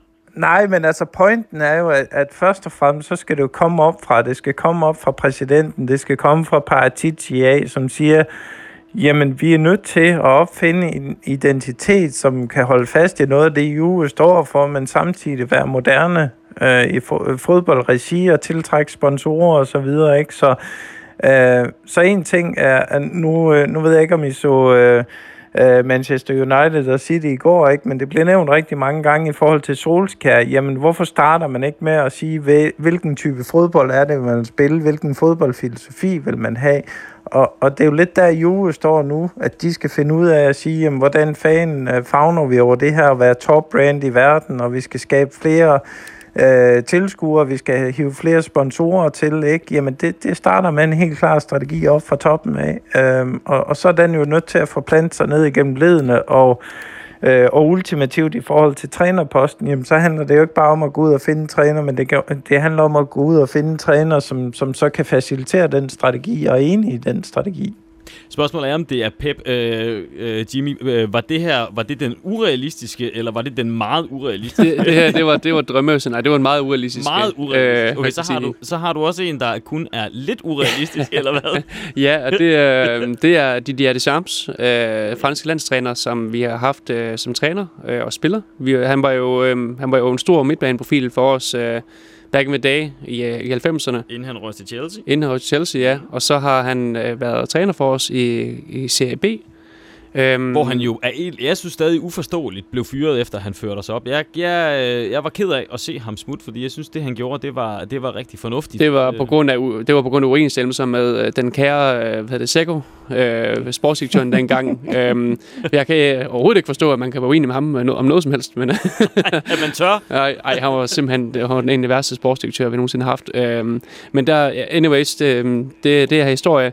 Um, jeg synes, at Deschamps er en rigtig, rigtig dygtig træner. Hvis man har set med Frankrig, hvor han, ja, han har et super godt landshold og gør godt med, det er korrekt. Men han formår også at få øh, noget rigtig godt ud af sine spillere, synes jeg. Han, øhm, han havde en periode, hvor han brugte Paul Pogba lidt, for, lidt øh, forkert. Mm. Øhm, hvilket gjorde, at han ikke præsterede så godt på landsholdet i en periode. Det rettede han til. Og så fungerede han super godt. Han ser problemerne, og så retter han, så retter han den til. Jeg synes, han er en mega dygtig træner. Du øh, trækker lidt på den, eller hvad, Paul? Um, øhm, ja, altså jeg synes, jeg, jeg, jeg synes også, han er, han er en dygtig træner. Han kender Juventus og kender Italien og alle de der ting, så der er meget, der taler for ham. Men øh, rent spillestilsmæssigt ser jeg bare ikke, at han er super anderledes end, end, end Allegri. Det, det må jeg nok ærligt sige. Altså, han har også meget den der pragmatiske, defensiv orienterede tilgang til det, hvor øh, det ofte kan, kan se ud som om Frankrigs øh, landshold bliver, bliver også forholdsvis fastlåst i nogle, nogle bestemte roller og dimensioner osv., ikke? hvor øh, den kreative frihed bliver stækket lidt i, i forhold til at have den her rigide tilgang til øh, organisation og formation osv. Så, ikke? så så jeg er ikke, jeg er ikke 100% overbevist om, at hvis man vil have et regimeskift i forhold til den måde, man tilgår fodbold på, så, så tror jeg ikke, han er den rigtige. Men, men i forhold til, hvis man vil øh, skifte ud i, på trænerposten og, og bibeholde nogle af de samme dyder, ikke, og sikre en kontinuitet i at skabe nogle resultater, så tror jeg, at han er den rigtige. Tror vi stadig, at øh, Allegri han er der, når øh, der er kampstart til sæson 1920? No, altså det er... Nu, øh, altså, man sige, romantik, romantikeren i mig håber et eller andet sted, at, øh, at han bare bliver der, og han får det hele til at køre sådan, for jeg kan simpelthen bare skide godt lide ham som, som, som træner og, og menneske, men øh, altså, ud fra, ud fra ledelsens øh, meldinger, så, øh, så bliver han jo. Men, øh, men øh, nu må vi jo se, hvad der, hvad der sker. Det er, det, det har, jeg, ved, jeg ved ikke, hvor meget det fylder, at, øh, tilgangen har været, som den har været, også i forhold til, at vi har en mand som Ronaldo rendende. Vi har jo nogle gange set ude på sidelinjen, at, øh, at, der har, at de har været lidt uenige, og det hører sig jo til. Selvfølgelig kan spillere og trænere blive uenige, øh, men jeg ved, jeg, jeg ved ikke, om det spiller ind. Men... Hvad siger du, Paul? Jamen altså, Jimmy og jeg, vi er slående enige omkring tingene. Altså, jeg, øh, som jeg har sagt mange gange, selvom jeg kritiserer ham, ikke, jamen, så, er jeg, så er jeg stor Allegri-fan, fordi han får nogle ting til at ske med det mandskab, han har. Ikke? Men øh, spørgsmålet er jo, som Libi også sagde, jamen, den cyklus, som Allegri har haft hos Juventus, at, at, at den ved vejs ende, og er Allegri selv træt? Kan han blive ved med at finde motivationen til de her ting? Øh, og har han så evnerne til det, det er, det er nok lidt mere tvivlsspørgsmål, ikke? Og, og bliver han, jamen så er der ingen tvivl om, at øh, spillere som, øh, jeg tror, Dybala og Costa især, jamen jeg tror, jeg, så tror jeg, de får tid, i hvert fald til, øh, til sommer. Jeg tror simpelthen ikke, de kan affinde sig med, øh, med, med den defensive tilgang, han har til tingene. Og så er vi jo nærmest inde i det, vi lige skal nå at vende her, inden vi, øh, vi runder af øh, de seneste rygter, som øh, I jo, øh, og dig, Paul, specielt jo har været god til at opdatere os med på øh, Juventus Danmarks øh, Facebook-side, og også debatsiden. Transferrygter. Øh, Manolas fra Roma, godt eller skidt øh, forstærkning måske af forsvaret? Øh, Jimmy, hvad siger du? Altså, Manolas han er en, en bøjlestærk midterforsvarer, øh, og han har rutinen han, har, altså, han kender jo CA ud og ind, og han er virkelig sådan en... Det kan godt være, han er, hvad han græker, men han er den italienske skole, kan man sige, rent forsvarsmæssigt. Jeg synes, at hvis man ser, hvad der er af alternativer derude lige nu, så er 36 millioner euro ikke ret mange penge for ham her. Jeg må dog sige, at jeg er lidt i tvivl om hans bundniveau. Mm. Øhm, om, om hvorvidt, hvorvidt han er kvalitativt god nok der, til, at det er en, vi skal satse på at have inde i de store Champions League-kampe.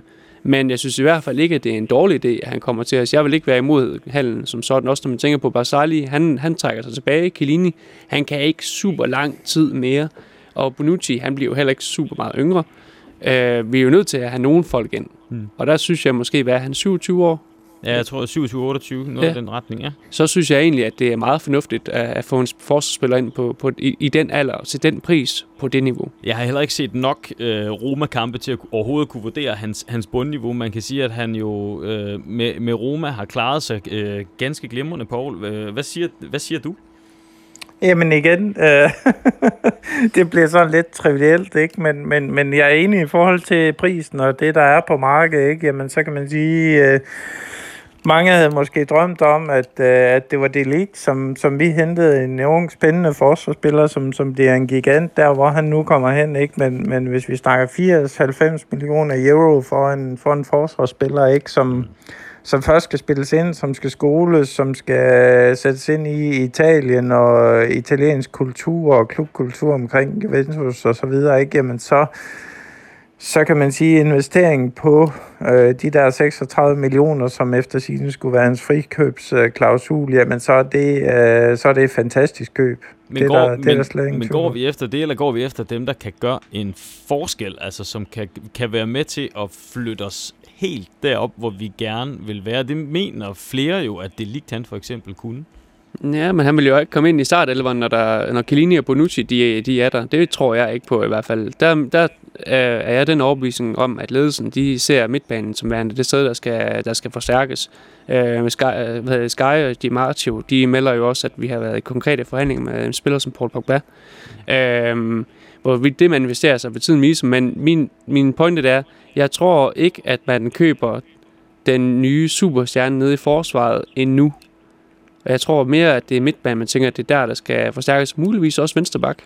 Og så dog ikke, fordi der går jo også rygter om øh, Joao Felix. Øh, ganske øh, markante rygter, end, end da Paul. Øh, der siger, øh, skriver Mikkel øh, Heideby for eksempel ude på vores forum, at øh, han går efter, jeg synes vi skulle finde en ny Vidal i stedet for. Øh, det, der er Pogba jo lidt i den, øh, i den øh, boldgade også. Martin Jørgensen han skriver, øh, at det er en forkert prioritering at gå efter øh, Joao Felix. Øh, I mine øjne der er det midtbanen, der skal styrkes også. Det er jo også det, Jimmy siger, Paul. Er du, er du også enig i det, eller når vi nu har muligheden, altså rygterne, det, øh, det er jo vist, det, du har selv skrevet, det, ikke? er det 80 millioner euro? Ja, ja, det er øh, rigtigt. Det, altså, det er jo så for noget, der kunne blive altså det store nye. Ja, Jamen altså, øh, øh, hvis vi vender tilbage til Agnelli igen, så sagde han jo også inden sæsonstarten, at det her med at hente Ronaldo, det signalerer en ny ære på, at, at forhåbentlig inden for ret kort tid vil Juventus være i stand til at hente den nye Ronaldo yngre i, i, en, i en yngre udgave. Og øh, der er rigtig mange pile, der peger på, at Joao Felix sagtens kunne være øh, det største talent, øh, portugisisk fodbold har produceret siden Ronaldo. Øh, og så er vi igen tilbage ved den her strategi med at sige, jamen, hvad er det, der tiltrækker sponsorer? Hvad er det, der skaber nogle, nogle, nogle, noget interesse omkring klubben? Jamen, det er stjernespillerne fremme, der skaber chancerne, der scorer mål, der kan noget exceptionelt. Øhm, og, og, og, og jeg kan bare sige, at det ene udelukker jo ikke det andet. Øh, så selvom man går ud og bruger måske øh, Øh, 80 millioner på en Xiao Felix, ikke? Jamen, øh, ifølge de rapporter, der er, sælger man Dybala, sælger man Costa, sælger man øh, måske Pjanic endda, ikke? Jamen, så, øh, så lander man jo omkring 250 millioner euro, der kan reinvesteres der. Øh, så jeg ser egentlig ikke det ene, det udelukker det andet. Hmm. Men nu nævner du selv, at han skulle være den nye Ronaldo. Jeg kan jo ikke lade være med at sige, at det skulle Nani også. Jamen, han var da også god. ja, øh, fir, ikke 80 millioner god, vel? Altså, øh, nej, nej, nej, men, nej. Det er jo, men... altså, det er jo, det er jo saftsus med noget tats at tage sådan en, en ung knøs og betale så mange penge for ham. Jamen, det er der ingen tvivl om, men, men, men, men det er jo bare det, vi kan se, markedet bevæger sig hen imod, ikke? Hvor, øh, hvor før, jamen for bare et år siden, ikke? Jamen, så var 30 millioner mange penge øh, Renato Sanchez, som kom til øh, Bayern München for 40, 45 millioner, inklusive bonus og alting, ikke? Jamen, han er så et af de eksempler, hvor man kan sige, at han ikke slog igennem, ikke? men vi har to portugiser i klubben i forvejen. Vi har hans agent som rigtig god konsulent øh, i klubben, ikke? Så, så der er rigtig mange betingelser for, at, at, at at han, han i hvert fald får muligheden for at maksimere sit potentiale i et miljø, hvor, øh, hvor der trods alt er nogle andre, der kan, der kan hjælpe ham til at, at, at tilpasse sig.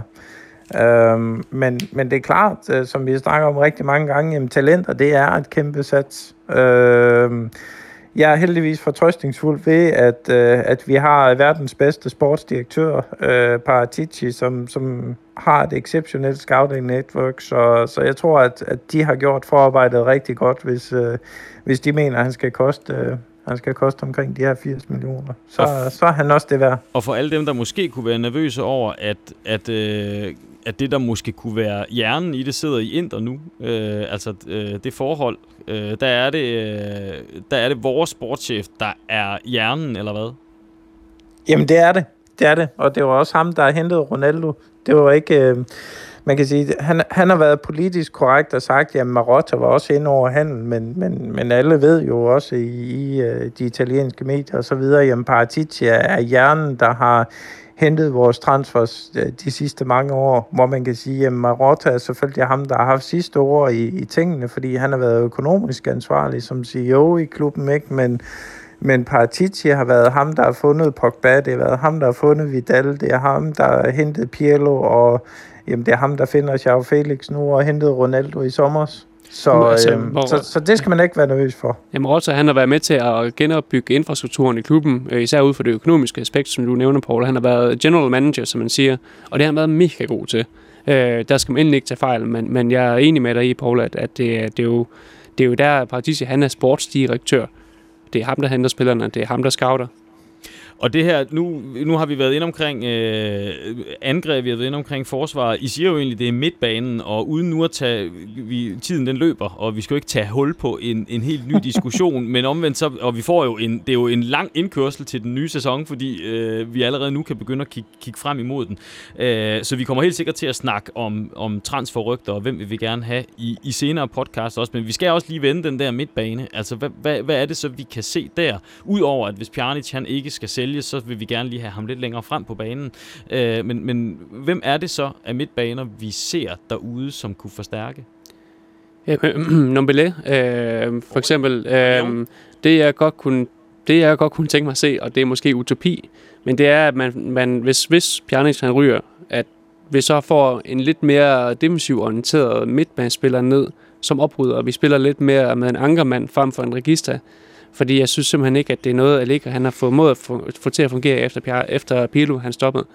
Øhm, den, den rolle som register er så ufattelig svær at få til at følge ud, og det er måske ikke noget, som der er, sådan, er nemt at få til at fungere i moderne fodbold. Det kræver i hvert fald, at de spillere, som registeren har ved siden af sig, er relativt boldstærke, samtidig med, at de samtidig også kan beskytte ham. Fordi som du register, så frem du ikke kan stå den gode, dybtlæggende killer pass, så er du nødt til at have nogen, du kan spille op omkring, for at så kunne spille igennem det genpres, som modstanderens midtbanen den ligger. Og øh, det har vi ikke lige nu. Så en mand som Aaron Ramsey, der kommer til klubben, han tror, ham tror jeg, hvis han kan holde sig skadesfri, så bliver han et gigantisk boost. Han har virkelig været god for Arsenal i år. Mm. Øhm, så hvis man har en mand som Aaron Ramsey, og så en spiller som øhm, Nobele, jeg er ikke sikker på, om jeg udtaler hans øh, navn rigtigt, øhm, så har man i hvert fald noget, noget, noget power, noget dynamik. Hvem den tredje mand i midtbanen så skal være. Min drøm er jo Paul Pogba. Det, jeg tror, det er meget svært, fordi han er dyr. Men det kunne være en, en super midtbane i min optik. Hvad siger du, Paul? Øh, jamen, jeg er enig. Ikke igen nu. og det, ja, men altså, man kan jo sige, det, det, er, jo, det er jo de navne, som, øh, som klubben ligesom har været sat i forbindelse med, men, men, men også dem, hvor, øh, hvor man kan sige, at man, det er realistisk at, at, at komme ind med nogle bud på øh, omkring. Øh, jeg tror så stadigvæk, der kommer nogle navne op af hatten, som vi ikke øh, har været opmærksomme på nu, øh, set historisk i, i de forgangne transfervinduer. Ikke? Jamen, så er der altid dukket en... Øh, en joker op, som, som de er gået længere og, og brygget på, ikke? Så, så jeg er ikke i tvivl om, at, øh, at, det bliver, at der bliver i hvert fald én profil, der bliver hentet ind til uh, midtbanen, og uh, bliver Pjernit så skibet videre, jamen, så bliver det to profiler. Mm. Det er slet, slet Vi håber, at Kadir, han, uh, vi siger pænt og respektfuldt farvel til ham, også en løntung spiller, eller hvad? Jamen altså, han er jo færdig for, for at sige det på godt gammelt dansk. Øh, han, han har jo slet ikke været, været i brug den her sæson, efter han fik sin kontrakt så Der har været skader, der har været hjerteproblemer, og, og de kampe, han så har været med i, ikke? Jamen, naturligt nok, efter som han ikke har spillet ret meget, jamen så... Øh, så har det jo heller ikke været noget godt indtryk, han har, han har efterladt der, ikke? Og, og han bliver jo heller ikke yngre, så, så man kan sige, jamen, øh, i forhold til den måde, som Juventus øh, bør og skal spille på, jamen så er, så er han ikke en mand, vi, vi har råd til at bruge 6-7 millioner til at have siddende på bænken. Men hvis vi så kunne få byttet øh, Kadir ud med nogle Belé, eller hvad vi nu kalder ham, og så vi stadigvæk har øh, Chan øh, og eventuelt Pjanic øh, og Bentancur, så ser det vel også øh, slagkraftigt ud med en Aaron Ramsey også, ikke? Øh, jo, men det kommer igen an på, hvordan man vil spille. Altså problemet, som, som, som jo er understreget den her sæson, er, at, at vi kun har Pjani, som, som reelt kan skabe noget med bolden, ikke? Og, og der bliver det simpelthen for let at, at stikke, hvis vi har to... Øh, to midtbanespillere, som kun kan spille sidelæns, og den ene, han kan dårligt nok tæmme bolden, ikke? Han render rigtig meget, men, men, men med bolden, så ser det knap så godt ud, ikke?